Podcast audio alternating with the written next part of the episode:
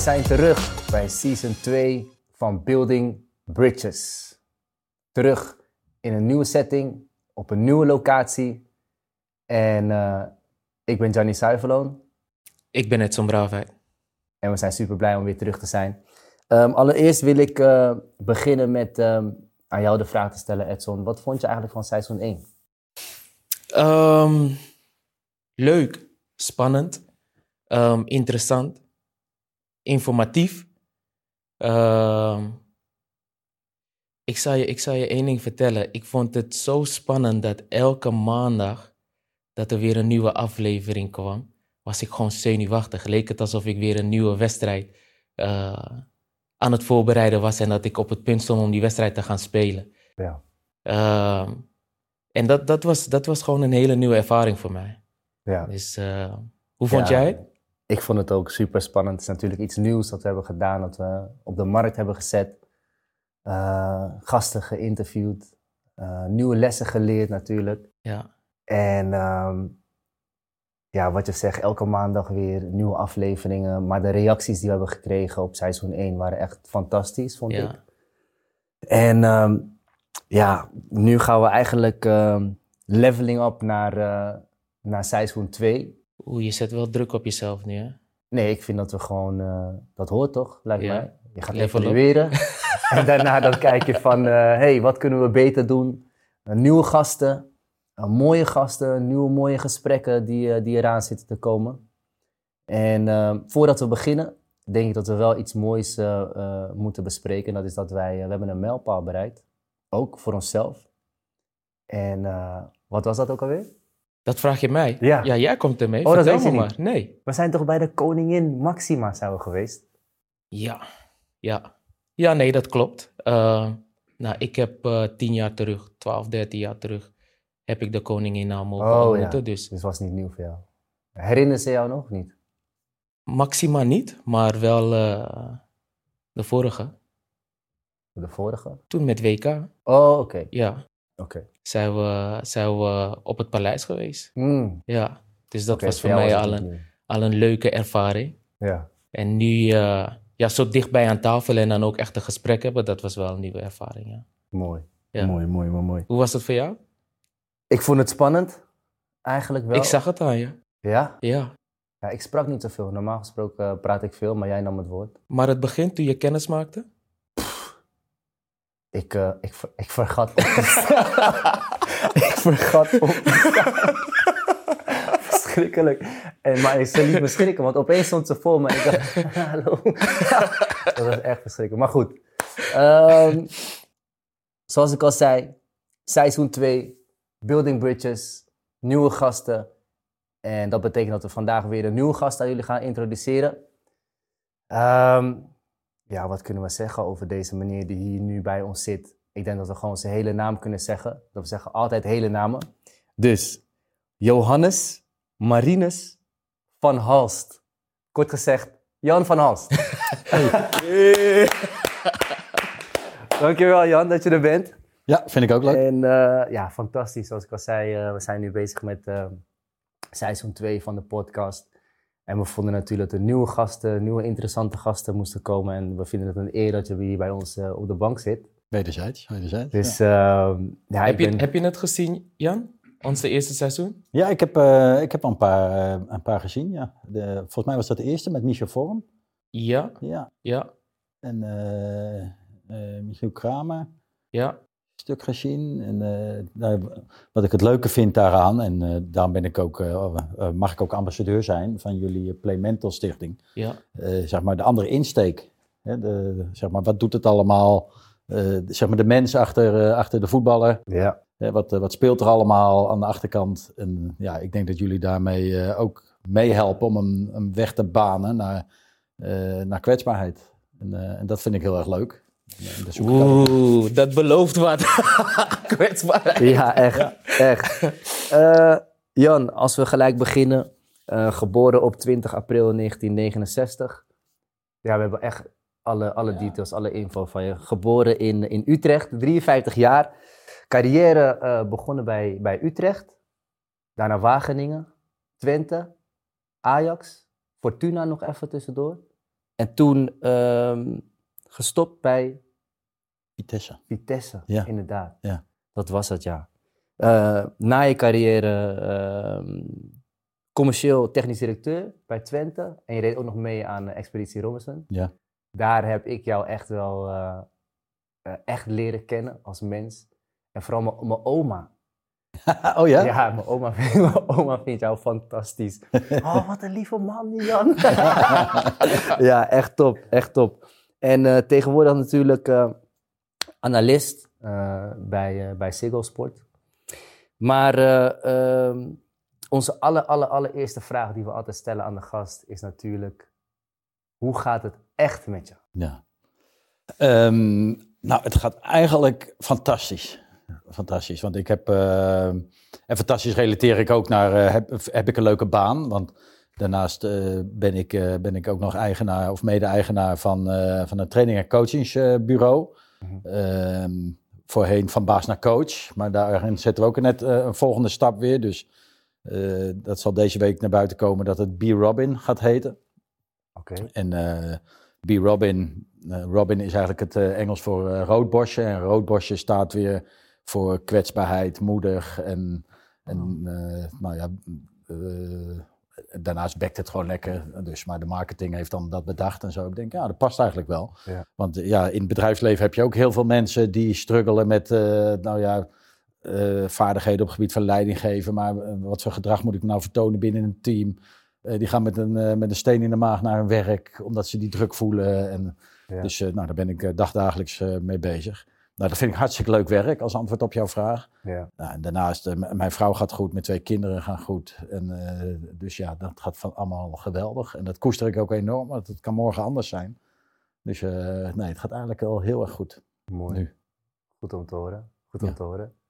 Ehm, wat we altijd doen met de gast is dat we als eerste beginnen met het stukje Knowing Me. En daarin stellen we een aantal vragen Ja. om de gast wat beter te leren kennen en gelijk lekker in te komen. En eigenlijk een andere kant van de, van de gast te laten zien dan alleen maar het voetballen. En eh, waar, we, waar de meesten je van kennen. En als analist natuurlijk op, eh op Ziggo Sport. Ehm, dus daar beginnen we mee met een aantal vragen. En we zijn eh, super benieuwd hoe je die gaat beantwoorden. Brandlos. Wat ga je dit jaar doen wat niemand van je verwacht? Ehm poeh. Nou, ik weet niet of het dit jaar gaat gebeuren, maar ik wil nog een keer eh, met een groep CEO's en managers wil ik eh, terugkeren naar Kroatië. Ehm, en, en Kroatië, daar, daar is Expeditie Robinson opgenomen. Dat, dat heeft zo'n eh, zo'n indruk op mij gemaakt. Hoe je daar als mens jezelf tegenkomt. En, en ook hoe je zeg maar helemaal back to basics gaat. Hè? Want ik weet niet of iedereen dat programma kent, maar je moet daar dus eh, als je aankomt op Schiphol al je meteen je telefoon, je horloge inleveren. En, ehm, en je gaat dus naar een onbewoond eiland. Ja. Onze, onze versie in 2021 was in eh, Kroatië, maar je doet Ja. ook op de Filipijnen en Ja. Seychelles geloof ik. Eh, en je hebt daar alleen maar een paar schoenen, een paar sokken, een broek, een shirt. En in Kroatië kregen we ook een jas, omdat het daar wat kouder was. Ja. En that's it. En ehm, een beetje rijst en een beetje meel. En je kon wel onbeperkt water halen in het bos. Maar verder heb je niks. En ik vond het echt magisch hoe je... Ja, binnen een dag ben je familie van elkaar. Ja. En eh, na een paar dagen, dan gaat die honger ook een beetje spelen. De heimwee gaat een beetje spelen. En, en dan ga je echt helemaal terug naar de, naar, de, naar de kern. En ik ben helemaal niet zo van mediteren en, en, en, en het spirituele. Maar daar ben ik wel, dat ik dacht van, hé, hey, ehm, dat zou eigenlijk voor iedereen, ik gun dat iedereen eigenlijk. Ja. Dat je helemaal niks nodig hebt van een dure auto of mooie kleren of een mooi horloge of status. Status stelt daar niet, hè? Ja. Ja, je moet, ja, moet je plassen. Ja, dan ga maar bukken. Vrouwen ook, hè? De- Ja. de- dus daar vervallen alle, eh, alle Nou, je afleidingen hebt het over vervallen. plassen, maar als je dan nummer twee moet doen, heb je nog wel toiletpapier daar in het. Nee, ook niet. Nee. Dus je kan kiezen of in het water, kan je het een beetje afspoelen, of je pakt een beetje gras. Nou Ja, om het dan maar, ja, het is wat het is, hè? Dus je hebt ja, zwarte nagels. En in dat zwart kan ook wat andere rotzooi zitten. Wauw. Dus eh, dat is, ja. Van het vegen nog even, bleef even hangen. ja, ja, maar het is wat het is. dit brengt me wel terug naar een verhaaltje. Voor mij, sorry. Uh, ik heb dit ook meegemaakt. gewoon in Amsterdam Zuidoost eh, voetballen, maar ik was gewoon net te ver van huis om het dus eh, op tijd. En dan ben ik ook een struikje ingegaan. met, met een blad eventjes en doorvoetballen. En Dus je- doorvoetballen. en doorvoetballen, man. Ja. Dus Robinson was ook gewoon. Het was gewoon in Zuidoost. Ja, ja, ja, ja, ja, ja. Nee, maar ja, het, het kan ook gewoon. Ja. Weet je, waar hebben we het over? Maar om als antwoord op jouw vraag, ik wil nog een keer met, eh, met een groep CEO's daar naartoe. Eh, en eigenlijk is eh, in het kort de vraag, ben jij nog die leuke jongen van vroeger? Want ze zijn natuurlijk, hebben ze allemaal een positie met status en carrièreplanning en, en weet je, maar even, even daar naartoe en, en, en dan ook wel met proeven en wat sportiviteit, maar ook het goede gesprek voeren en helemaal terug van, ben ik eigenlijk nog wel die leuke gozer van vroeger? Of die leuke Ja. dame van vroeger, dat leuke meisje? Ja. Was Expeditie Robinson leerzamer dan een gemiddeld voetbalseizoen? Nou, dat gaat misschien een beetje ver, maar ik heb wel gezegd, toen ik uit expeditie kwam, eh, dat vond ik na het kampioenschap voor Ajax het tweede hoogtepunt uit mijn leven. En eh, dat, dat, dat komt eigenlijk om wat ik net, net beschreef. Ik heb Mhm. daar drieënhalve week mogen zitten. En ehm, ik, ik vond het zo mooi dat, eh, dat, ik, dat ik er bij mezelf ook achter kwam. Niet dat ik zo heel erg materialistisch ben, verre van zelfs. Mhm. Maar ja, ja, uiteindelijk ben je allemaal mens, dus je probeert het toch goed te hebben voor je kinderen en voor. Maar ik merkte daar ook, ik heb daar ook op Winnaars Eiland gezeten, veel in mijn eentje. En dat ik er heel gelukkig van werd door gewoon naar kruipende slakjes te kijken en eh, te luisteren naar de zee. Terwijl ik dacht, ja, daar, neem je nooit tijd voor hier, weet Ja. je. En eh, de- ja, ik vond ook allemaal soft en uh, raar gedoe allemaal. En eh, gewoon door. En eh, ik kan ook nooit stilzitten. Maar daar leerde ik, en dat vond ik echt zo waanzinnig om te leren, dat ik gewoon, zoals ik nou ook zit, gewoon niks zeggen. En een beetje staren en een beetje mijmeren en de zon onder zien gaan en zo. En daar werd ik zo intens gelukkig van. Ja, ik vond het heel mooi om, om te merken. Dus Ja. dat was een grote overwinning of zo voor mezelf ook. Ik denk, dan ben ik zo oud. En dan, dat ik dit nog mag meemaken, dat ik dit nog mag leren. Want dat ga je nooit leren. Je gaat niet zeggen, nou, ik ga eens even drie weken op een onbewoond eiland zitten. Ik ga honger lijden en eh, ik ga me niet wassen. Ik ga eh, eh, poepen in de struikjes en ik heb geen wc-papier bij me. Dat ga je niet doen. Ja. Dat doe je niet. Ja. Dus dat vond, ik- vond ik echt fascinerend, vond ik dat. Voor wie heb je het meest betekend in je leven? Poeh. Weet je, ehm, ja. Ik denk, ja, ik, ik hoop voor mijn kinderen. Misschien kan ik hem anders stellen. Wie heeft het meest betekend voor jou in je leven? Kijk, het leven is natuurlijk helemaal voor mij, is al, ik ben al 53, is heel groot. Maar je hebt bepaalde fases dat je denkt, dat ene gesprek, wauw, weet je. De, die- dat heeft mij zoveel gebracht. Of, of dat je pas na een paar jaar, dat je terugdenkt, dat je denkt, what the fuck, dat was een goede, goede, goede opmerking van die, eh, van die man of die Mhm. vrouw. Of, eh, zonder dat ze het weten, heeft dat heel veel impact gehad. ja. Ja, ja. Ik heb bijvoorbeeld, we hadden een, een, een, een trainer uit de jeugd bij FC Twente. En ik kwam bij FC Twente en ik, en ik, ja, ik, ik, ik acteerde daar het Utrechtse schoffie. En die man die liet mij een, een keer, Jan Moschink heette die. Hij is helaas al overleden. En die trok mij aan mijn jasje. Hij zegt, Jan, heb je wel door wat jij allemaal teweeg brengt hier? En ik, ik keek hem aan en ik zeg, nou wat dan? Hij zegt, mensen vinden jou niet leuk hier. Ik schrok daarvan, weet je. Ik zeg, hoezo? Ik deed echt mijn best. En, nou, ik was wel aan het over, eh, overacteren. En toen zei hij, ja, volgens mij ben jij helemaal niet zo. Jij moet een beetje rustig worden, joh. Dat hoef je helemaal niet te doen, Jan. Nou, en ik was ook een beetje boos op hem dat hij dat zei. Want ik zat helemaal in die... eh, Maar goed, en toen zegt hij, ik, heb het je alleen, ik wil het je alleen meegeven. Want ik gun jou het, het andere. Jij bent niet zo, Jan. Ja. En hij was weer weg. En ik ging naar huis. En toen ging ik ook een beetje nadenken. Ik denk, ja, hij heeft eigenlijk misschien wel een beetje gelijk. Misschien moet ik ook die grote bek en, en, en, en zeg maar die houding van wie het hard schreeuwt heeft gelijk en zo. Dat was ik aan het acteren. Ja, ja, dacht ik, wauw, weet je, wat goed dat hij dat sowieso durft te zeggen ook. ja. Want ik was echt in die, in die tijd van, ik liet niemand toe en stoer en overleven. Mag en- ik dan gelijk doorvragen?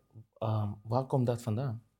Wat? Dat gedrag van ehm, luid zijn, hard zijn, stoer, grote bek. Ehm, eh, nou, heel, heel concreet, toen ik aangekocht werd door Twente, las ik de krant daar in het oosten. En daar stond, Twente heeft eindelijk een Utrecht schoffie aange- aangetrokken. Mm. Eh, Terwijl ik, ik ben wel geboren in Utrecht, maar ik kom uit een heel beschermd gezin uit Zeist. Mhm. Zeist is een beetje kak, hè? Dus Ja, eh, ja. keurig netjes. Eh, we gingen vroeger ook naar de kerk en zo, om even aan te geven, was allemaal Mhm. heel normaal. Maar toen ik dat las, toen dacht ik, ja, daar moet ik wel aan voldoen. Mm. Dus toen ben ik dat heel erg gaan acteren. Ik beg- begon nog platte Utrechts te praten en ik begon, nou ja, schelden, spugen en weet je, echt, ja, zoals je een, zeg maar het, het prototype Utrechtse schoffie je zou kunnen voorstellen. Ja. Ja. Dat was één, maar ik heb ook mijn opleiding bij FC Utrecht eh, gehad. Of tenminste, ik heb daar drie jaar gevoetbald. En daar was ook een hele erge cultuur van stoer doen, eh, overleven, in de kleedkamer, sterk moeten zijn, anders ga je ten onder. Ja. En dan kreeg ik heel gauw door, kreeg ik dat. Dat ik dacht, ja, als ik profvoetballer wil worden, en ik, ik werd al pas heel laat gescout, Ja. dan moet ik heel snel die switch maken om, eh, om te kunnen overleven. Dus ik heb mezelf dat helemaal aangeleerd. Ja. Daar, daar komt het eigenlijk een beetje vandaan. Niet uit mijn jeugd. Het was allemaal keurig netjes. Ja. Dan was ik bijna een beetje een zachtaardige jongen. Maar ik heb, daar, ik heb me dat dus aangeleerd. En dat, eh, is, ik, ho- dat hoeft ook niet slecht te zijn, want ik denk ook dat ik daardoor wel mijn plekje heb verworven in het begin. Eh, gelukkig heb ik dat later eh, kunnen veranderen, maar ja, ik, ik was wel aan het acteren. Ja. En dat kost een hoop energie, kan ik je zeggen. Nee. Durfde je voor een wedstrijd toe te geven dat je heel erg zenuwachtig was? Nee. Nee. Nee. Ehm, hoewel ik dat vaak ben geweest. Ehm, heel vaak zelfs. Ehm, maar ik heb, ik heb nooit aan iemand verteld van shit man, ik ben zenuwachtig. Terwijl ik dat, ik denk dat je dat heel goed aan me kon zien. Ja. Dus is dat dan hetgene wat je bedoelt met stoer zijn? En... Dat is ook stoer zijn. Ja. ja. Je hoeft, Ja. niet, je hoeft niet, niet eh, elke minuut van de dag te zeggen, oh ik ben zo zenuwachtig, ik ben zo zenuwachtig. Als iemand het expliciet aan jou vraagt, durfde jij het toe te geven? Ehm, nee, maar ik, eh, ik, eh, bij mij zag je het. Eh, want ik, eh, ik, ging, ik ging twee keer naar het toilet voordat ik af en toe voordat ik een wedstrijd moest spelen. Maar dat doe je normaal ook? Of je nou bent of niet? Oh, wat erg Zit je zeg. alleen op de deze man heeft zegt hij verhalen over. Zegt hij gewoon op camera? Ja, ik zag hem voor de podcast zo gezegd. Ik zeg, waar is Jenny? Zit op de wc. Ja, dit, waren, dit zijn ook zenuwen. nee, wat erg. Nee, ja, bij mij, nee, bij mij was het echt eh, dat ik gewoon eh, echt, echt... Ik was ook meestal was ik de laatste die, die zeg, aansloot om naar die, in de catacombe te staan om op het veld te gaan. Hmm. Want ik moest altijd nog even snel... Ah shit, ik heb buikpijn. Ik moet even snel naar de wc rennen. Maar kakken of piep? Ja, echt kakken. Nee. Ja, ja, ja. Maar dat was gewoon, waren gewoon zenuwen. Heb je Ja. na laten kijken? Ja, ik denk dat ik gewoon... ehm, ik heb een goede stofwisseling, dat ook. Jezus, je hoort het gewoon echt serieus. nou, iedereen. Nee, nee, maar het was, het was ook gewoon pure zenuwen. Ja. Was het gewoon dat ik daar niet eh, goed mee kon omgaan. Meer over jou. Eh, vrouw, Karin. Twee kinderen. Ja. Demi en, en Mick. Ehm, jullie zijn al heel lang samen. Dreamteam, zoals je zei. Ehm, hoe, hoe zag dat voor jou eruit? En, en, en hoe, heeft jou, hoe heeft het gezin je gevormd gedurende ook je, je carrière? Ehm, nou ja, kijk, ik ging dus, eh, ik, ik verhuisde naar Twente in 1990, omdat ik bij FC Twente ging voetballen. Ja. En ehm, ik ging in Enschede op een appartementje wonen. En ehm, ik heb Karen ontmoet toen ik bij een amateurclubje, misschien heb je dit ook wel eens gedaan, dan werd je gevraagd door een regionaal amateurclubje, om daar, dan hadden ze een voetbalmiddag. En dan werd je als profvoetballer gevraagd om even smiddags met die jongens, eh, met de kinderen wat te doen en zo. Eh, en Karin was daar leidster. En, Ah. eh, en die schonk er koffie in. En zeg, oh, nou, eh, leuk dat je er bent. Woon je hier? Ik zeg, ja, ja, ja. Ik zeg, maar ja, ik ben helemaal alleen, weet je. Dat is toch lastig hier in Twente. Dus ik denk, een beetje zielig verhaal. je. en, Dat was je move? dat was mijn move, ja. Beetje zielig kijken.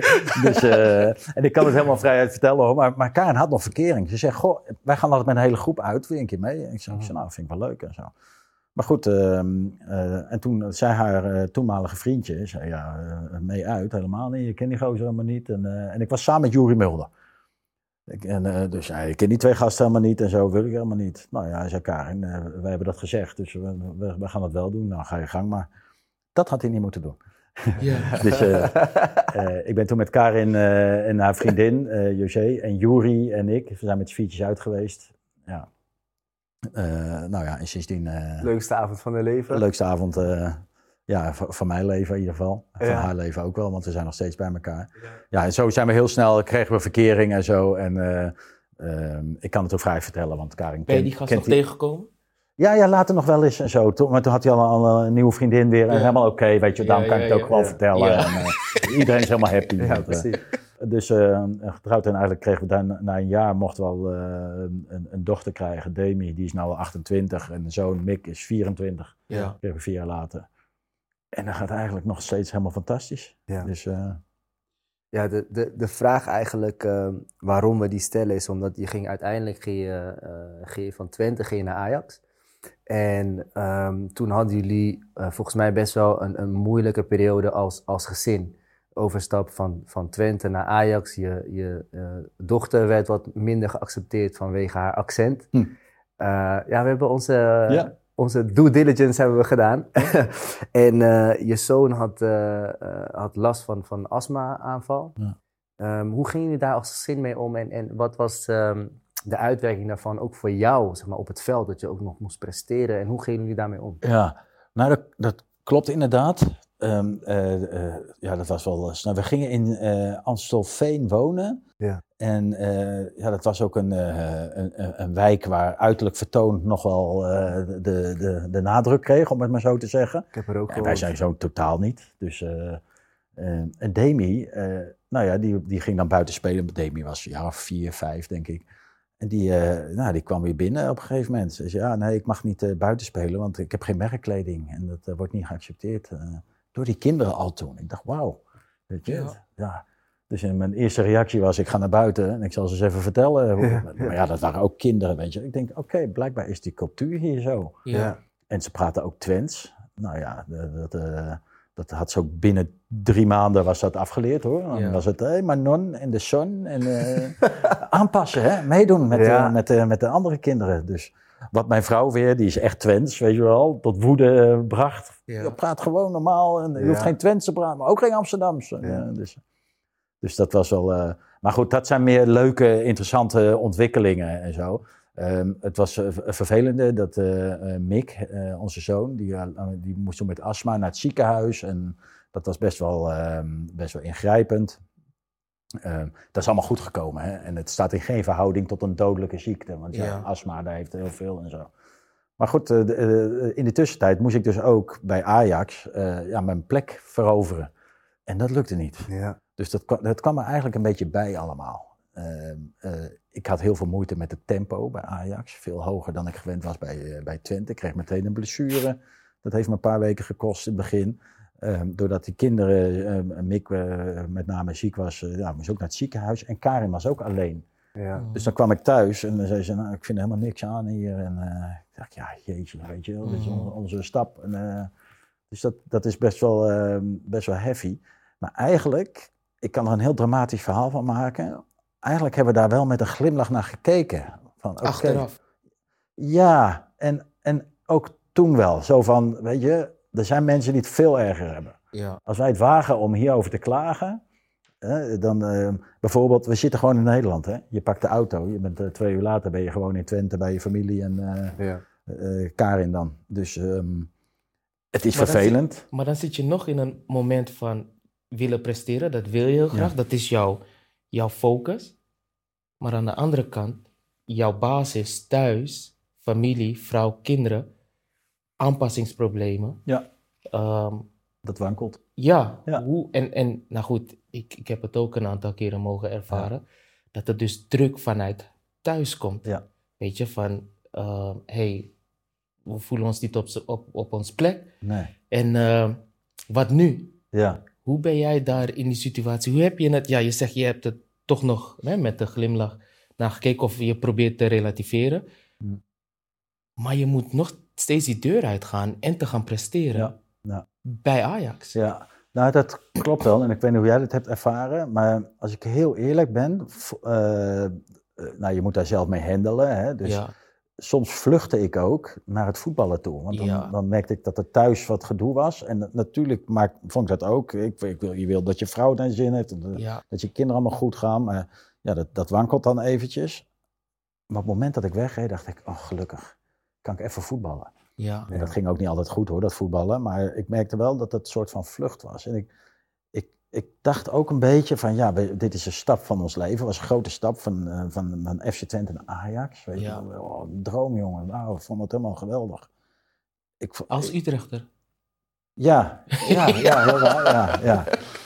En eh, ja, ik voelde ook een beetje van, jeetje, weet je, dit, dit is een grote stap. Maak er nou wat van. Ja. Dus ik, ik ging in mijn hoofd ook een beetje eh, haar dat verwijten. Van, joh, maak er nou wat van. Maar dat, was, Mm. dat is ook niet eerlijk. Ik merkte dat ik een stemmetje in mijn hoofd had. En dat is ook niet helemaal eerlijk natuurlijk. Dus ja, je strukkelt wel, ja, Mhm. in je hoofd, ja. Dat is Ja. lastig, is dat, Ja. hè? Ja. En dan mer- voor mij merkte ik ehm, dat tijd vooral, dat op een gegeven moment dan, dan, dan gaat het beter. Dan vindt zij ehm, haar routine. De kinderen vinden hun plek ook Ja. op school. Ehm, maar in het moment, wat je zegt, heb ik ook heel erg vluchtgedrag Ja. getoond van ja, toch iets langer misschien op de club blijven nog. ehm, extra behandelingetje nemen Ja. om dat voor mijzelf rust te geven. Ja, hè? Ehm, maar dat was wel heavy. Ja. Dat was wel heavy soms. Ik, en ik voelde me daar een beetje schuldig over wel. Ik had hetzelfde ook. Ook wat langer op de club blijven. Maar ja, je hebt het ook nodig of zo, op een of andere manier. Zo van, het is een beetje egoïstisch gedrag misschien. Maar ja, ik vertelde dat ook niet hoor. Van joh, ik ben, eh, volgens mij is het voor het eerst dat ik dat nou zeg. Ja, ja. Oké, oké. Oké. Nou, hè, Karin? Ja, ja, oké, kom jij maar even Ja, zitten. Lul. dus, maar ja, dat klopt wel. En dat is best wel lastig om dat een beetje in evenwicht eh, te houden. En ehm, later, weet je, dan, dan, heb je, dan kijk je daarop terug. En eh, ik weet niet of jij dat herkent. Dat je denkt, ja, waar hebben we het over gehad? Dat gaat helemaal nergens over. Maar dan, op dat moment, Ja, struggle je daar wel even mee. Ja, ja. ja, maar dat is wel altijd achteraf. ja. ja. En dan En je, komt er blij. weer achter dat als het thuis helemaal oké en relaxed is, en je weet, die hebben een plek gevonden, en ze zeggen tegen je, "Joh, ga je gang joh, want ik ga met de buurvrouw dit doen en dat, Ja, dan, dan presteer je zelf, ik in ieder geval, beter. een stuk beter, Maar, absoluut. maar dat is het, hè? Want bijvoorbeeld, eh, eh, jij ging van Twente naar Amsterdam. Ik ging van eh, Nederland naar Engeland. Toen de tijd met Ja. mijn toenmalige vriendin. Maar, en we hadden toen nog geen kinderen. Maar het erge is, is dat jij eh, ontwikkelt je eigenlijk in je sociale leven. Want je ontmoet allemaal nieuwe teamgenoten. En je vrouw die dan meegaat, of vriendin die dan meegaat, die is alleen. Ja, En die wacht gewoon eigenlijk de hele dag totdat jij terugkomt. En het enige wat jij dan moet doen na trainen is, je wilt gaan slapen. Eten, slapen. Eten, slapen. ja. Ja, En, en dat zorgt voor zoveel eh, struggle ook, eh, tenminste bij mij. blijven. eh, ja. Want om- zij wil uit eten, Precies. ze wil wat leuks doen. Precies. Nou, zij wacht leuk echt doen, de ze hele wilt dag. aandacht. Ja, ja, ja, ze, wilt inderdaad. jou, ze ze wilt jouw aandacht Ja. hebben. En terwijl jij gefocust bent van nee, ik heb mijn rust niet nodig. Ja. Goed eten, slapen. En dan, eh, nou wat je zegt, dan ja, Het is egoïstisch. Je moet Ja, egoïstisch leven als topsporter. Jan, ik vind dit eigenlijk vind ik een van de leukste vragen die we aan jou kunnen stellen. Oh jee. Ehm, omdat ik denk dat heel veel mensen hiervan, eh, al heel veel topsporters ook hiervan kunnen leren. Ehm, je, bent, eh, je bent gedebuteerd in het seizoen eh 88-89. Eh, hebt negen wedstrijden gespeeld. Toen bij, naar was bij Utrecht, toen naar Wageningen. Vervolgens heb je 223 wedstrijden gespeeld bij, en 19 goals bij Twente. En dan was je publiekslieveling, fantastisch, Europees voetbal gespeeld ook. Alleen je had toch last. Had last van faalangst. Ja. Ehm, hoe waren die eerste jaren bij Twente voor jou en hoe uitte dat zich, zeg maar, de faalangst en nog steeds het presteren op hoog niveau? Hoe, Ja. hoe ging dat bij jou eh, in, in, in je kop om? Ja, nou, ik, ehm, het is niet zo dat je in één keer op een knopje drukt en denkt, hé, hey, ik heb faalangst. Ja. Maar dat, dat, dat sluipt er heel langzaam in. En ehm, als ik nou terugkijk, dat kwam ook door bijgeloof bijvoorbeeld. Ik had het idee dat ik eh, me vast moest houden aan bijgeloof. Dat ging heel ver. Ik heb jarenlang in dezelfde eh, onderbroek gevoetbald. Eh, heel vaak ook zonder te wassen. Dan dacht ik, oh, deze broek, weet je, daar heb ik lekker in gevoetbald. En, eh, eh, Echt waar. Ja, met stinken en alles erbij. dat, is, dat is echt heel raar. Ehm, als wij een uitwedstrijd hadden, dan had ik de, naar bijvoorbeeld Heerenveen. Dan eh, kwamen we aanrijden met de bus. En dan wist ik nog, de vorige, vorig jaar heb ik hier eh, redelijk goed gevoetbald. Ik wil op dezelfde plek zitten in de kleedkamer. Dus dan stond ik bij de deur al eh, van de spelersbus. Die deur ging open. En dan had ik mijn tas dus al bij me gehouden. Die deed ik niet onder in het vak. Die hield Ja. ik al bij me. Zodat ik meteen naar de kleedkamer kon en daar kon gaan zitten. Eh, eerst mijn rechterschoen aan. eh, nou ja, allemaal, allemaal dat soort Ja. dingen. Ja, ja, ja. Maar je, je raakte dus allemaal in de war als je bij die eh, eh, bezoekende club kwam. En die hadden de kleedkamer verbouwd. Oh, shit. dacht ik, oh shit. Oh, god, dacht ik dan. Ja, ja. maar goed, dat stapelt zich allemaal op. Maar ik heb het met, met name gemerkt dat ik er echt wat aan ging doen. Dat ik ehm, na een half uur voetballen helemaal kapot was. Was gesloopt. Dat ik dacht, wow, ik kan niet meer verder man. Ik. En ik moet nog een uur.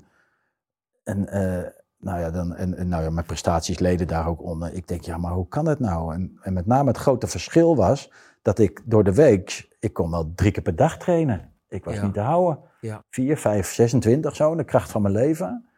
Ik denk, ja, dat, dat, dat klopt gewoon niet. Mijn, mijn machine, mijn lichaam was getraind. Niet roken, niet drinken, vroeg naar bed. Ik, ik trainde soms wel drie keer per dag, voor mezelf ook nog.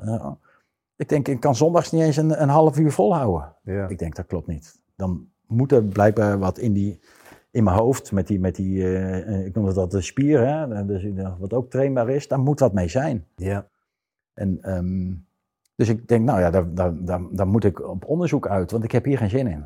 Ik denk, ja, als ik dit nog tien jaar vol moet houden, dan... ik, ik verloor ook een beetje plezier in het voetballen. Het werd werken, werd het echt. Mhm. En ehm, het lastige was natuurlijk ook in die tijd. Deze tijd wordt het iets beter. Maar er is nog een hoop te winnen. Maar je kon ook niet aangeven, joh, ik denk dat ik eh, die spier in mijn hoofd moet gaan trainen, want dat is niet goed.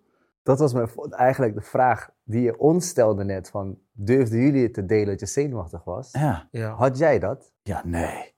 Nee. En er kwam nog dat imago ook nog bij. Hè. Ik was ja, dat Utrechtse schoffie, die voorop ging in de strijd, kale kop. Ja. Ja. Ja, dat moest ik in stand houden.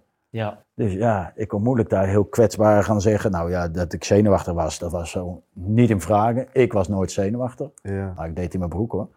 En, eh, maar, Zoals ik. ja, ja, ja. en, ehm, maar ook dat ik dus blijkbaar die, dat ik die spieren in mijn hoofd wilde gaan trainen. Ja, dat kon ik bij de club niet aangeven. Daar waren ook geen faciliteiten voor. Het was ook heel erg macho nog en conservatief. En nou, als ik dat had gezegd, ik weet het niet hoor, ik heb het nooit durven zeggen. Maar als ik dat had gezegd, dan was ik waarschijnlijk uitgelachen Ja. en eh, allerlei grapjes over gemaakt. Dan was je nog dieper, eh, zeg maar. Ja, dan was ik, ingegaan, ja, ja, dan was ik nog dieper weg, eh, weggevallen. Dus, dus toen dacht ik van nou, ehm, dan, dan moet ik daar zelf wat in gaan verdiepen. Dus ik ben toen op internet gaan zoeken en ik ben daar wat boeken over gelezen.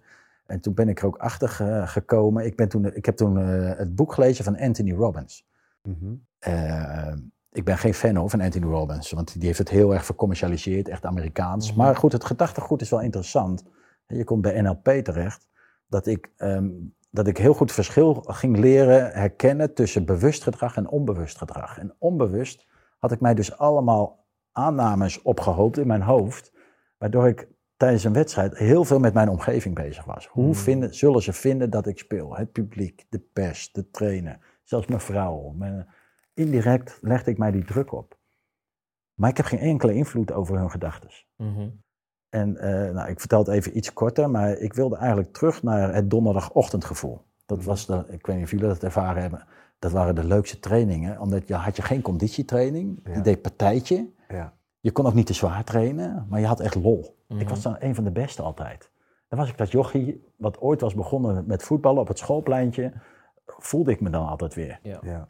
En eh, ik denk, hoe krijg ik dat gevoel nou naar zondag? En dat heb ik, heb ik eh, mezelf aangeleerd door allerlei oefeningen in mijn hoofd. Dat ik op zondag kon ik gewoon, speelde ik voortaan niet meer in de Kuip met 60.000 man. Die eh, riepen K van Halst, K van Halst. Weet Ja. je? Ik speelde gewoon een wedstrijdje met 22 vriendjes tussen vier witte lijnen. Ik kon mijn omgeving helemaal uitsluiten. En dat was wel een geweldige stap die ik tot op de dag van vandaag nog, eh, nog blij mee ben dat ik die, eh, dat ik die heb genomen. Nou, dan heb je, dan heb je erin verdiept. En, en, en, en een oplossing gevonden hoe je daarmee om kan gaan. Maar die, eh, die routines die je dan nog had, zeg maar. Uh, speel je nog steeds in die uh, vieze onderbroek? Allemaal weg. Allemaal weg. Allemaal daarna. Dus daar heb je ook geen waarde meer. Helemaal nul. Ja. Nee, nee. Dus uh, ik moest ook wel lachen als er wat anders was. Dan zag ik, er gebeurt altijd wel weer iets anders, weet je. De, nou ja, wat ik zei over die kleedkamer of zo. En dan zag ik collega's, die zag ik dan, die waren ook bijgelovig. Die zeiden, Ja. oh shit, die reden één weg naar het stadion en dan was die weg afgesloten. En dan kwamen ze op de club en dan zeiden ze, ja, Ja. die weg is afgesloten. Maar ik ben gewoon door die, door die eh, afzetting heen gereden. Want ja, dit is mijn weg, weet je. Ja, Maar dat is echt... ja, ja, ja. En dan moest ik sindsdien echt om lachen. Ik Denk, oh ja, ik vroeger ook. Ja, Ja. ja. Wat, het, is eh, best wel, het is best wel grappig. Super herkenbaar wat je zegt. Uh, omdat zodra je één, een goede wedstrijd hebt gespeeld, dan gaat er in je hoofd een soort van cassettebandje af van wat heb ik nou gedaan die dag om een goede wedstrijd te spelen. Ja, ja. Weet je? En het dan- heeft er niks mee het te heeft maken. er helemaal niks mee te maken. Ehm, en, dat, en dat probeer je. Het is super herkenbaar. Terwijl je nu zou zeggen van ja, eh, je past je aan eigenlijk aan de situatie. Maar dat heeft niks te maken met jouw prestatie, eh, wat je op het veld moet leveren. Dus wat er omheen gebeurt, de Nee. focus daarin. Een andere vraag. Ehm, en dat is mij eigenlijk kort geleden is dat mij opgevallen. Ehm, jouw zelfwaarde als mens, als man zijnde, zeg maar. Ehm, merkte jij daarin verschil op het moment dat je een wedstrijd had gespeeld, minder had gespeeld? Verander jouw, zelf, jouw zelfbeeld qua waarde als mens daarin? Ja. Daarna niet meer. Nee, Had ik er helemaal geen last meer van. oké. Ehm, ik moest ook eh, glimlachen in mijn hoofd, hè, gebeurde dat allemaal. Want je moet, ik, ik wil niet dat mijn omgeving dat merkt. Maar als ik bijvoorbeeld heel goed had gespeeld, Ja. dat ze me allemaal schoudersklopje, eh, schouderklopjes gaven en zo. Dan dacht ik, wat doen al die mensen raar, joh? Ja, We hebben gewoon lekker gevoetbald met 22 vriendjes. Ik heb lol gehad, ik heb het leuk gehad, we hebben gewonnen, ik ben hartstikke blij. Maar doe even normaal. ja, En andersom ook, als we dan verloren hadden, dat mensen me niet meer groeten, eh, me boos aankeken. Dan had ik een keer, ik, ik heb wel eens in eigen doel geschoten, dat ik dacht, Ja. ja, goh, wat heb, jij het, wat heb jij het moeilijk dat jij zo moet reageren op deze situatie. Ja. Ja. ik liet dat niet meer toe. Ik liet dat niet meer toe. Dat is niet altijd even makkelijk hoor. Ik, eh, want ehm, ik merkte ook dat ik een beetje neigde naar gevoelloosheid, naar de buitenwereld. Dus ik denk, ja, Mm. ik moet, ik moet wel gewoon de leuke Jan blijven.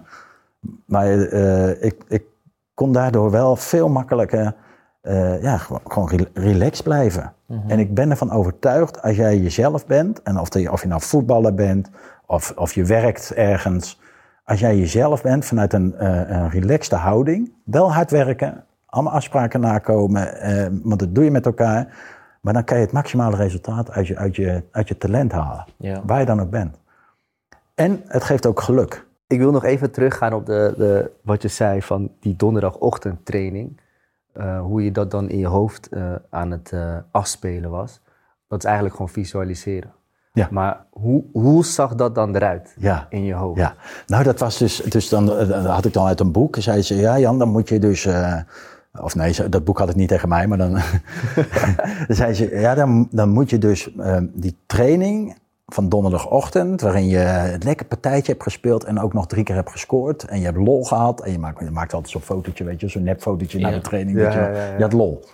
Die moet je nog eh, een uur voor de wedstrijd in een ruimte waarin het stil is, in je hoofd afspelen. Ja. Ik denk, ja, maar ik ga niet, weet je wel, in een donkere ruimte liggen en zo. Ik denk, maar ja, ik wil er toch vanaf. Ik denk, nou, ik ga het een keer proberen. En dat was nog in het oude Diekmanstadion. Kennen jullie dat Ja, nog? ja. Nou, dat was een oud vervallen stadionnetje. En dan had je dan één ruimte. Ja, je had niet zoveel ruimtes, maar dan was er in een, had je nog zo'n zijkleedkamertje. En daar, daar, ehm, daar kwamen de stewards. Die moesten daar op eh, omkleden. Verder had je niks. Ja. En eh, nou, dan ging ik dan liggen in het donker. En dan lag ik op mijn rug zo. En eh, nou ja, je moet je voorstellen, ogen dicht, kale kop. En dan lag ik alleen maar aan die donderdagochtendtraining te denken. En ik rook het gras en ik hoorde die stemmen nog. Ik hoorde het gelach en, en ondertussen een glimlach op mijn hoofd en zo. Maar ja, ik was daar zo mee bezig. En ondertussen ging de deur open en kwam daar een steward binnen. En die zag er in één keer ja, een lijk met een kaal hoofd liggen, weet je wel. Dus, eh, dus ik kan voorstellen dat dat misschien schrikken was. En het is, oh, sorry, zei ze dan. Weet je wel, ik zei helemaal niks terug. Ja. Want ik was ook dat, dat is, normaal zou ik zeggen, ah nee, nee, ik, eh, weet je wel, maakt niet uit en zo. Maar ik denk, eh, ik ben helemaal met mezelf bezig, dit is mijn, mijn project. En dan zei ik gewoon niks. En lag ik daar een kwartier. En ik merkte in het begin, dan, daarna ga je dan de spelerstunnel in, eh, ja, dat het gewoon een kwartier lukte om, om die relaxed, dat relaxte gevoel van donderdagmorgen, Ja, om ja. dat vast te houden. En de week daarna eh, 20 minuten en daarna eh, een half uur. En Ja. daar- totdat ik gewoon dat helemaal eigen maak. Dat heeft maanden geduurd hoor. Maar ik ben dus echt letterlijk in een ruimtetje gaan zitten. gaan liggen met mijn ogen dicht. En later kon ik dat dus gewoon in de kleedkamer waar het druk was. En waar iedereen al voor de wedstrijd, weet je, Ja, hoort die noppen al en een beetje schreeuwen en zo. Kon ik gewoon voor, voor me uit zitten, eh, zitten. En dan ging ik even zo zitten met mijn ogen open. Ja. En, maar ik was met mijn hoofd helemaal bij donderdagochtend. En dat merkte me, eh, ja, het is een soort van mediteren toch. Hè? Ja, ja, ja, ja. En ik merkte dat me dat, dat lukte ook. Ja. Ik kon me even helemaal afsluiten van, de, van het buitenbeeld. Ik denk, ja, we kunnen allemaal wat druk doen hier. En buiten kunnen ze ook allemaal al die gekke mensen op de tribune. ja. Maar ik ga gewoon met 22 vriendjes voetballen. En dat zijn echt leuke jongens. Ja, sommigen hebben een Ajax-shirt aan en sommigen een Feyenoord-shirt. Ja. Ja. Ja. Weet je, en ik heb een Twente-shirt aan en later eh, denk ik, ja, Je maakte het heel speels. ik maak het, heel- ja, ja. En, Ja. dat, en eh, nou vertel ik het heel makkelijk dat je zo even een knopje drukt. En het, is, het, het blijft een uitdaging, maar ja. het lukt me nog steeds. D- Dus dit is wel een mooi bruggetje naar de stelling van de dag. Ehm, als ik profvoetballer geweest was in de huidige tijd, in plaats van in de midden jaren negentig, eh, had ik nu meer uit mijn carrière kunnen halen? Ja, 100 procent. Ehm, en, en dan zet ik er nog meteen één bij. Ehm, want eh, nou, dat mentale waar ik het net over had, hè, als, ik dat, eh, als ik dat dan eerder had geweten, hè, ik neem aan dat je daarop doelt. Ja, ja, ja. ja, ja, dan had ik dat mee kunnen nemen. En eh, heb je weer zoiets. Ze zeiden tegen mij altijd, Jan, niet naar voren gaan. Jij zorgt voor de controle, geen doelpunt te maken. Daar zijn anderen voor. Jij moet gewoon verdedigen. Ja. En ik begon dat helemaal te geloven. Maar in het huidige voetbal. En ik heb me daar ook in dat harnas laten duwen door al die, al die trainers. Ik had gewoon wel naar voren moeten gaan. Want ik kan ook heus wel een doelpuntje maken. Een, een, een moderne middenvelder moet tegenwoordig zes tot acht doelpunten maken. Ja. Dus dat betekent op, op, op, op verstandige momenten. hè, Je moet niet als een blind naar voren rennen. Maar dat ik denk, ja, ik kan ook met die counter meegaan. Maar ik heb me dat helemaal... Dus dan had ik dat ook, Maar deed je dat op trainingen wel dan? ook nauwelijks. Oké. Ook nauwelijks. Oké. Ik ben op een gegeven moment, want ik wilde wel graag scoren, ben ik eh, eh, de penalties gaan nemen. Ja. En dan ben ik ook gaan oefenen. Na elke training nam ik vier, vijf penalties en Ja. zo. Ik denk, oh, ik ga dat... Want anders scoor ik helemaal nooit. Want ik, kwam- ik kwam nooit voor de goal. Bij corners, Jan houdt de controle. Ja. Eh, naar voren gaan, Van Hals blijft achter. Weet je, dus ik, ik, ik ben me dat, ik ben me dat ook helemaal mee gaan geloven. En dat vind ik, ja, dat is geen ramp. Maar ik denk, oh, dat zou ik dan, dan in, als ik nu weer een kans zou krijgen, zou ik dat erbij willen voegen. Mensen herinneren jou als voetballer, als kuitenbijter, tulband, Hmm. bloed, echt een vechter. Ehm, maar hoe herinner jij jezelf als voetballer? Is dat ook hoe mensen jou zien of heb jij een ander beeld van jezelf? Ehm, nou, eigenlijk zou je mijn carrière in, eh, als, als mens, zeker voetballer, in twee delen kunnen eh, hakken. Zeg maar het eerste gedeelte ja, kuiten bijten. En eh, het tweede gedeelte niet meer. Hoewel ik die, ehm, en het tweede gedeelte vanaf mijn 7, 28ste, 6, 27ste. Toen heb ik zeg maar die omslag gemaakt waar we het net over hadden. Eh, en zie ik mijzelf gewoon als een hele sociale, want dat was ik daarvoor ook niet hoor. Hele sociale, vriendelijke gozer. Die eh, heel veel dacht ook in het belang van de anderen. En eh, hoe kan ik mijzelf aanpassen door, zodat de rest daar ook wat meer aan heeft. Ehm, Op het veld. ja, ook op het veld. Ja, ja. Ik kon echt een stap achteruit doen. En, eh, en ervan genieten als anderen het initiatief namen. Daarvoor was, eh, was ik een handje de voorste. En, eh, bescheidenheid kende ik niet daarvoor. Ja. En later wel. Ehm, en dan zie ik mij dus als een heel ander. Hoewel ik, kijk, en dat ik een schop tegen mijn hoofd aan kreeg bij Ajax. Dat was zeg maar in de laatste fase. Toen was ik al 32 en met die tulband en zo. Ja, dat past wel bij dat eerste gedeelte. Ja. Maar, en dat stelde ook allemaal niet zoveel voor. Ja, ik moest even de kleedkamer in en ze moest even op die kale kop wat sprayen en ze deed er een tulband omheen. Deed helemaal geen pijn.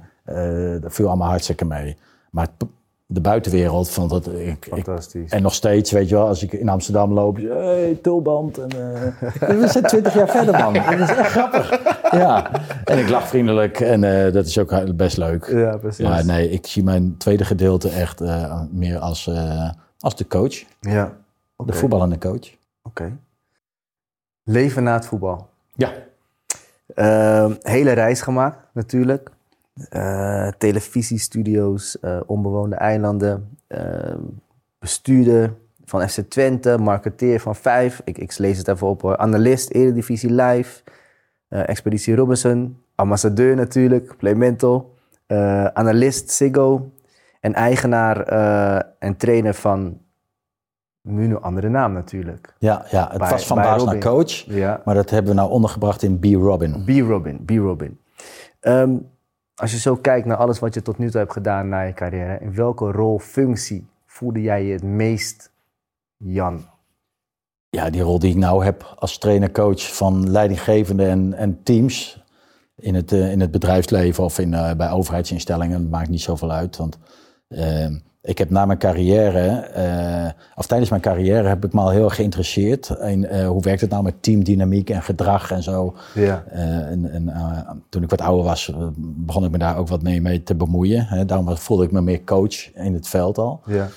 En later ging ik dus op kantoor werken. En toen merkte ik dat, ehm, of het nou het voetbalveld was of een team op kantoor, het is allemaal hetzelfde. De teamdynamiek, de extraverte, de introverte mensen. Hoe gaat het nou met druk voor een vergadering? Eh, hoe kan je nou jezelf zijn? Hoe kunnen we nou voor elkaar zorgen dat we in een soort van flow terechtkomen? Want hè, de- de- het kan niet zo zijn dat je, eh, of je nou een voetbalteam hebt of een kantoorteam, ja, we zijn in vorm. Er zit flow in en we nemen het allemaal over. Ja, wa- wa- waar ligt dat dan aan? Aan welk knopje moet je nou draaien dat we dat in ieder geval kunnen bereiken? Een knopje bij jou of bij jou of bij mij of bij die leidinggevende. En dat is me altijd gaan fascineren. En dat is eigenlijk overal hetzelfde. Alleen op kantoor, daar staat geen camera op. Ja. Dat is wel een groot verschil. Hè? Dat maakt het echt wel, die druk en zo de- van de buitenwereld maakt het best wel uitdagender. Maar op kantoor heb je ook doelstellingen die gehaald moeten worden. Een leidinggevende die misschien niet zo vriendelijk is als je zou willen. En daar heb je ook veel met druk te maken. Nou, dat, en, en daar coach ik nou in en, en train ik mensen in. En dat, Ja. dat is hartstikke leuk. Dat is helemaal mijn ding. Ik had het jaren eerder moeten doen. Oké. Duidelijk. Ja. Duidelijk. Ehm, je, je, je hebt eh, eh, ook ooit eh, na je carrière met een psycholoog heb je gesproken. Dat was in je, in je, in je Twente-tijd. Ehm, en dat was, ja, was een iets mindere tijd natuurlijk. Eh, Ja. Degradatie van, van, van, eh, van Twente toen. En je trok het jezelf heel erg aan Ja. toen de tijd. Ehm, maar dan is het, is het apart, omdat tijdens zijn carrière... Dit is, dit is na voetbal, hè? Ja, dit is Dus na voetbal, ja, we zijn nog steeds na oké. voetbal. Mijn tweede, tweede bestuurlijke periode bij FC Twente. Precies, precies. Eh, en dan is het, is het eh, apart eigenlijk, omdat tijdens de carrière was je zo al bezig met niks van de buitenwereld dat je kan raken aan de binnenkant. En op dat moment krijg je het toch, komt het weer helemaal terug. Ja. En eh, ga je met een psycholoog eh, eh, praten daarover. Wat heeft dat voor jou gedaan toen, die periode? Nou ja, ik- dat is wel interessant wat je zegt. Dan ehm, geloof ik ook niet dat als je eenmaal eh, je hoofdspier even getraind hebt, dat het dan goed is. Ja. Hè? En daarvoor geldt ook mijn lijfspreuk. Als je denkt dat je er bent, begint het pas. Dat, dat, dat moet je blijven trainen. Net zoals je lijf. Dan merk je ook meteen, hè, Edson, als je even een tijdje niet traint, ja, dan krijg je last van. Help me wel, hè, met deze kant. Nee, maar dit is, met, dat is met je... Nee, nee, nee, je ziet er fantastisch uit. Eh, hey, we gaan beginnen nu. je ziet er fantastisch uit. Ik kan alles zeggen, maar Jan ziet er 53 meer kijken. Ja, ja, ja. ja. Doet hij heel goed. Jullie zijn Doet hij lief. heel goed. Ja, ja. Nee, Ja. maar dat, dat is dus ook met je, met je hoofdspier. Eh daar moet je steeds maar mee, blijven, mee bezig blijven om te blijven trainen. En ik, ehm, kijk even heel in het kort. Hè. Ik had mijn eerste bestuurlijke periode bij Twente. Dat ging allemaal halleluja en hosanna. Toen ben ik, dat was toen we kampioen werden en stadion uitgebreid, Champions League. Dus het was allemaal mooi. En toen heb ik vijf jaar bij een sportmarketingbedrijf gewerkt. In die vijf jaar was die club helemaal afgegleden naar het bijna faillissement. En toen vroegen ze of ik mee wilde helpen de club te redden. Daar ben ik ingestapt. Eh, dat is gelukt. De club eh, bestaat nog steeds. Niemand weet hoe erg we eh, op het randje hebben gelegen met die club. Maar in sportief opzicht niet. En eh gleden de club verder weg. Sterker nog, het degradeerde zelfs. Ja. Ja. En eh, ja, dan, ehm, dan ben, toen ben ik de kop van Jut geworden voor de supporters. En eh, wel of niet terecht, doet eigenlijk niet de zaken. Maar ik trok me dat heel erg aan. Ik begreep niet dat ze me eh, binnenhaalden als soort van verloren zoon. Ik was echt kind van de club. Ehm, negen jaar daar gevoetbald, eh, acht jaar eh, bestuurlijk gewerkt, bijna twintig jaar alles bij elkaar. Ja, ja. En dat ze me zo, eh, eh, heel veel supporters, eh, me lieten vallen. Maar goed, blijkbaar zit het leven zo in elkaar. Maar ik had daar last van. ja. En, eh, en toen kreeg ik ook, mijn vrouw, die heeft dat ook gestimuleerd. Die zegt, ga nou praten met iemand. Ga nou praten. Maar ik denk, ja, ik had eigenlijk ook een beetje hetzelfde wat, wat jij net schetst, Jannie. Ja, maar ik heb al die boeken gelezen. Ik moet er toch zelf op kunnen lossen. Ja. Mhm. Nee, en zonder dat zij mij tips heeft gegeven om daarmee om te gaan. Hoor. Het feit dat zij, het was een dame, dat zij naar mij luisterde. En eh, als ik vertelde wat ik allemaal meemaakte, dat ze hele grote ogen kreeg. En dat ze zeiden, wauw, dit heb ik nog nooit meegemaakt. Dit is wel heftig, ja. Ja. Dat gaf mij al zo van, oké, ik ben geen zeurpiet. Ja. Want ik, Ja, ja, ja. Ik, ik vond ook een beetje, ik moest niet zeuren. Ik, ik, Ja. ik, ik moest doorgaan. Voor mij was dat al heel heftig. Dus dat je met jezelf zo bezig was en niet tot eh, de prestaties kon komen in het begin, wat je zelf heel graag wilde. Ehm, nou, dat lukt. Dat, dat, dat lukt jou op een gegeven moment. En dan kom je in het leven na het voetbal. Ehm, bij Twente, commercieel directeur. En het gaat goed eigenlijk. Je redt de club. Dat was jouw job. Sportief gaat het niet goed. Wat is dan voor jou het moment dat je toch dan dit doet in jouw hoofd, in jouw ehm, benadering en jouw opvatting van alles? Ja. Want er is, er is een moment dat je dan bij de psycholoog zit, Hm. wat gewoon heel normaal is. Ja. Maar kan je ons daarin meenemen, echt het dieptepunt van jou daarin? Eh, nou ja, kijk, het dieptepunt was eh, niet meer slapen. Ja. S S'nachts liep ik met de hond te wandelen. En dacht ik van nou, dan kom ik hier van niemand meer tegen. Want dat, dat, eh, dat was ook een nadeel. Ik, ik ging natuurlijk bij de club aan de slag, maar ik woonde daar ook. Dus Ja. als ik ging, met de hond ging wandelen of ik kwam de deur uit, dan werd ik daar meteen op aangesproken. En, dus ehm, ik ging een beetje kluizenaarsgedrag vertonen. Ehm, en ja, dat wilde ik niet meer. En eh, dat was nog in de tijd dat ik er werkte. Ja. En die psychologen, die heb ik eigenlijk gevraagd nadat ik daar weg ben gegaan. Eh, maar dat mijn vrouw merkte van, ja, je bent nog steeds niet jezelfde Jan. Ik begon heel erg te twijfelen aan mezelf. En, en dat komt toch in de kern erop neer, wat vindt de buitenwereld van jou? Dus, dus ik had dat helemaal getraind, weet je wel. Ja. En eh, ik, had het, ik dacht dat ik dat wel onder controle had. ja. Maar het werd daar zo heftig. Kijk, je, je moet je ook voorstellen, zo'n hele regio... die eh, ehm, ontleent zijn of haar identiteit aan zo'n voetbalclub. En eh, die, dat stadion is de kerk. En die club, die, eh, die kerk, die was aan het omvallen. Dat, zo vertaalden zij dat, die degradatie. Ehm, en dan, zo werkt bl- blijkbaar massa eh, op elkaar. Op een gegeven moment gaat het elkaar naroepen. Dat wordt ook gevoed door sommige mensen ook nog eens. En eh, ja, dan, dan richten ze hun pijlen naar mij. Dus dat uitte zich in bijna agressie en eh, eh, wat, wat, wat, wat bedreigingen. En dat de politie zei van nou ja, we gaan wat vaker rondom jouw huis rijden. Weet dat Jan, Eh, we gaan het een beetje in de gaten houden. Want Ja. we willen niet dat er wat met jou gebeurt. Die waren hartstikke lief voor, voor mij en zorgden goed voor mij. Dus, maar Hoor ik, hoor ik dan dat daarin misschien, hè, want wat met voetbal dan, heb ik het gevoel dat je daarin altijd wel, ondanks hè, die, die, die faalangst en alles daarin speelde, je toch altijd een plekje had waar je veilig voelde en misschien dat nu niet Ja. het geval was. Ja, ja. En dat kwam ook dat er letterlijk eh, ehm, nou, dingen op je pad kwamen. Weet je, mijn, zoon die kwam een keer uit de stad dat hij bedreigd was en eh, dat hij snel, eh, snel naar huis wilde. eh. nou, dat zorgt ervoor dat je een knuppel naast je bed gaat leggen, Ja. bijvoorbeeld. Weet je, en eh, dat ik denk, nou ja, ik, ik ga met één oog slapen, die andere hou ik open. Want als ze hier op de oprit komen, nou, dan eh, sta ik niet voor mezelf in. Weet je wel, allemaal dat soort. Ja. Ik voelde me weer een beetje dat straatvechtertje worden.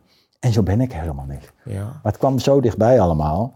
Dus ehm, ik. eh, kijk, waar we het net over hadden, over mentale training en zo tijdens het voetballen. Hoe ga je om met die druk? Dat kan je nog allemaal op jezelf betrekken. Maar als het echt, echt fysiek bij jou in de buurt komt, Nou, dan is het je gezin, je ja, dan ga je kinderen. ja, ja, ja, dan, eh, dus dan, dan wordt het lastiger. Hoe zijn die ermee omgegaan trouwens, in die periode? Fantastisch, fantastisch, ja. Eh, ik ben zelf weggegaan bij FC Twente toen. Ja. Na de degradatie heb ik de volgende dag meteen mijn contract ingeleverd. Eh, zij vonden dat ik door moest gaan. Nooit opgeven. Nou, dus, ehm, nou, ehm, Ondanks papa niet meer Ja. papa was eigenlijk. Ja, ja, ja, ja, ja, ja. Ja. dat is hartverwarmend. Ja. Hartverwarmend, ja. Zij, eh, maar zij hadden ook het idee van, joh, eh, eh, als je opgeeft, dan heb je verloren. En, en dat gunnen we jou niet. Dus ze waren alleen maar aan mij aan het denken. Ja, dat is hartverwarmend. Dat is fantastisch, ja. Dat is er nog aan denken. Dus, ehm, maar ik, nou, het kon gewoon niet meer hoor. En het is ook, het is ook helemaal prima zo. Maar ehm, ja, dat was, dat was echt ge- geweldig. Wa- Was dat ook meteen zeg maar, je, je minste periode als mens? Ja, dat was een zwartste periode in mijn leven. Ja. Ja, ja, ja. Enerzijds omdat gewoon die, die klus eh, was, eh, was gelukt in die zin dat we de club hadden gered. Maar dat is maar, was maar de helft. Ja, het moest natuurlijk sportief ook overeind blijven. En dat, dat was niet gelukt. Ja. Dus dan ben ik ook topsporter en dan verlies je. Ja. Dus dat vond ik erg. Nou, en er kwam nog dat, dat, het derde bij waar we het net over hadden. Hè? Die, eh, die druk en dat, die bedreiging en alles. Dus eh, ja, dat had ik nog nooit meegemaakt. Nee, nee. Maar ook gelijk een positieve draai. You've been there, you made it, you overcome. Ja. En je bent er nog steeds. Ja, dus. ja, ja. en dat, dat, dat sterkt me ook in mijn gedachten. Kijk, wij kunnen het hier hebben over mentaal sterker worden en ehm, daar op een relaxte manier mee omgaan. Maar daar is geen. eh, je- eh, ehm, je moet allemaal even de bodem aanraken. Mm? En dan heb ik het niet over gezondheid hoor, maar gewoon af en toe je kloten voelen. Dat hoort, omarm dat ook. Weet je? Dat je denkt, ja, dit hoort ook bij het leven. mhm. Je zal nooit, eh, doordat je een paar gesprekjes hebt bij Play Mental, of je gaat een paar boekjes lezen, of je hoort een podcast van Jantje van Halst, weet je. Nee, je kan het wel meenemen en je, en je probeert een beetje te wapenen. Maar je moet af en toe even naar de, naar de kloten gaan. Zeker. Om weer een beetje eelt te kweken. En Het gaat erom, hoe ga je ermee om en hoe sta je weer op? En, eh, en dat zijn allemaal clichés, dat weet ik wel. Maar dat is ook, het hoort bij het leven. Ja. En ik heb ook die onderkant helemaal aangeraakt. Je schudt met je kop. Ik heb inderdaad wat nachtjes wakker gelegen. Een, beetje veel. Maar ja. Ja, maar ja, weet je, dat- het, nou ik terugkijk, dan denk ik, wauw, weet je, ik maak me minder druk weer om dingen en zo. Misschien kan ik nog, ga ik nog wel een keertje naar de kloten, dat weet ik niet. Maar ik heb, het hopen van niet. nee, ik hoop het van niet. Maar ja, dat, dat blijft gewoon. Ja. Omarm dat. Maakt ook geen. Ja, dat kan ik makkelijk zeggen. Toen ik in die, in, in die shit zat, toen dacht ik ook, ja, dit wil, ik, dit wil geen mens meemaken. nee, precies. meemaken. Maar ja, dan ben je een half jaar verder en denk je, ja, het is toch goed dat ik het meegemaakt heb. Ja. Het is toch goed. Eh, als laatste ehm, hadden we je gevraagd om een item mee te nemen. Is dat Ja. gelukt? Ja, ja, dat is wel gelukt, maar dat was helemaal op het. Want ik sliep eh, de avond voor deze podcast bij mijn dochter. Oh ja. En ja, de- de- mijn spulletjes die, waar ik wat belang aan hecht, ehm, eh, die liggen thuis. En toen, eh, toen zei ik dat tegen Demi, mijn dochter. Ja. Toen zegt ze, ja, ik heb wel wat, eh, wat bij me. Oh, Ze zegt, ik heb het eh, eh, Ajax-shirt van, shirt van Zolder gejat, pap. nee. Ja, die heeft dus blijkbaar... ehm, kijk, als je, toen ik stopte bij Ajax, krijg je zo'n tas mee vol met shirts en zo. En in de ja. loop der jaren herkennen jullie misschien wel een Deel veiling voor het goede Ja. doel. Allemaal Ja. weg en zo. Ik hecht daar niet zo heel veel waarde aan. Ja. En, eh, en zij heeft toen, want ze vond dat zonde. Ze heeft dus een, eh, een, een blauw Ajax-shirt. Een Ajax-shirt met nummer 14 erop heeft ze eh, meegenomen. Maar ook dit Ajax-shirt met nummer 8. En eh, waarom heb ik eh, dan met het nummer 8? Met het Ajax-shirt ben ik kampioen geworden. En ik moet wel zeggen, dat heeft mij toch ook wel heel veel gebracht. Ja. Het, het feit dat ik sowieso bij Ajax heb mogen voetballen en een kijkje in de keuken heb gekregen van hoe gaan ze nou binnen zo'n internationaal topsportbedrijf om met mensen, met doelstellingen, dat was heel erg interessant. Ja. Maar uiteindelijk, ja, dat ik nog op mijn leeftijd met een schaal mocht staan met, eh, bij zo'n grote club, eh, ja, dat heeft me ook wel heel veel gebracht, moet ik Ja. zeggen. Ja. Ja. Dus, eh, nou ja, dus dit, dit Mogen shirt. mogen we hem even zien? Want je liet het zo snel zien. Dit is wel een... een, een eh, Pas op, Gianni. Mag ik Dit dit is- shirt wel aanraken? Pas op. Ik wou net zeggen, dit is... Feyenoord. Hey, ga er Nee, met heel veel is echt- respect mee om, eh, ja, nee, Gianni. zeker, zeker. Ik vind het wel een mooi shirt. En dan moet je kijken wat het verschil is. Hè. Die shirtjes waren toen, al 10, waren toen nog 10 kilo. Ja. Zo, zo zwaar. Ga je nou zeggen dat ik een oude lul ben? Dat zegt hij eigenlijk.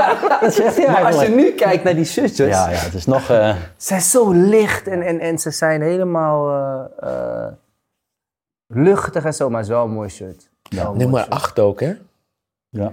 Dat is wel mijn nummer. Nooit mee gespeeld, maar wel mijn lucky number. Ja, ja, ja. Ja. Ik woon ook nou op nummer 8 Kijk. in, eh, in Hengelo. Eh, maar dit nummer heb ik gekregen omdat Richard Wietsche, die, ging toen, die werd verhuurd. Ja. Die ging weg bij, eh, bij Ajax. Dus nummer 8 kwam vrij. Zei, Ja. nou ja. En ik zat toen in kleedkamer 2. En Ronald Koeman haalde mij terug weer in de kleedkamer. Hij zegt, vanaf eh, morgen trainen we met het eerste mee. Je hebt nummer 8, dus dan weet je het vast. Ja. Heb je verder nog vragen? Ik, ik zeg, nee, nee. Ik denk, eh, het maakt mij niet uit. Dan krijg ik nummer 88. Ja. Jan, ehm, we hebben een hoop geleerd over je leven. En, eh, en, en ook hoe, de, hoe, je erop, hoe je naar het leven kijkt. En het was echt, eh, ja, je hebt ons echt meegenomen vanaf begin tot eind en prachtig om te horen. Maar onze laatste vraag is altijd ehm, aan de gast, met de kennis die je nu hebt, eh, welk advies zou jij jezelf geven, de 16, 17-jarige Jan, eh, die je nu hebt, de kennis die je nu hebt, welk advies zou je jezelf geven? Of, of de handvatten die je aan misschien een ieder zou kunnen geven. Ja. Nou, ik probeer er heel snel achter te komen waar je goed in bent. Ehm, want dat is natuurlijk altijd een, een, eh, een zoektocht in het leven. Ik coach ook wat jonge sporters. Ja. En eh, dat is ook het eerste wat ik, wat ik ze leer. Ehm, weet waar je goed in bent. En blijf daar ook bij.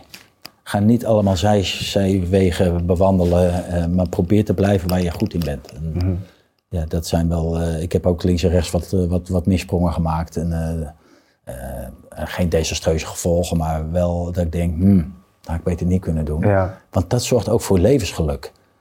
Weet je? En dat is, ja, dat is toch waar alles om draait. We zijn toch hier op de aarde gezet om ook nog een beetje lol te hebben en een beetje relaxed. En dat, Zeker. ja, ja, ik wil niet heel soft gaan worden, maar dat, dat lukt ook niet altijd. Maar wel een beetje binnen die kaders. Niet van het, niet van het randje afvallen.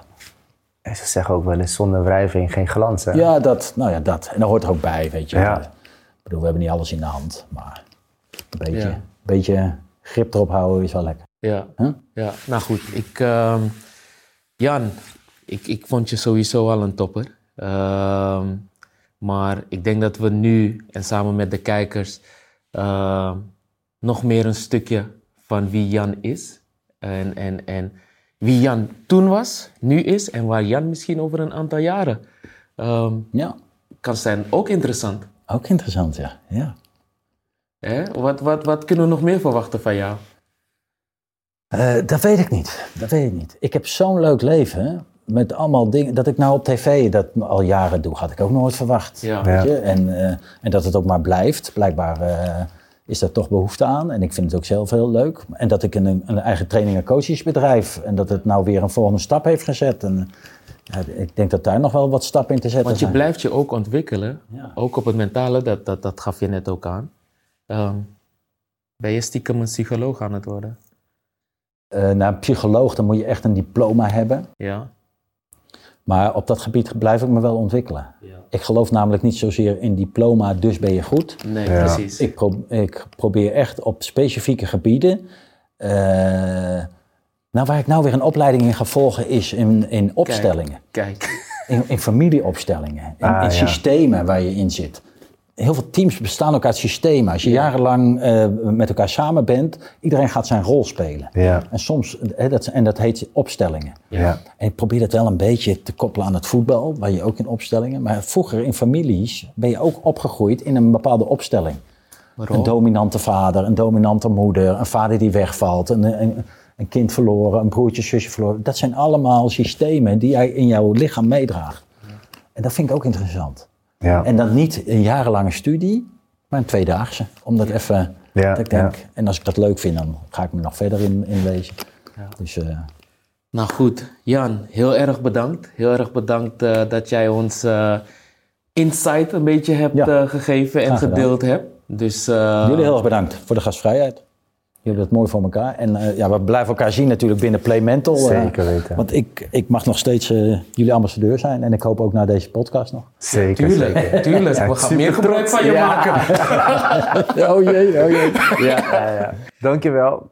Nou, dit was weer een fantastische aflevering van Building Bridges. Waarin wij bruggetjes bouwen, kennis delen. Zoals Jan vandaag heeft gedaan.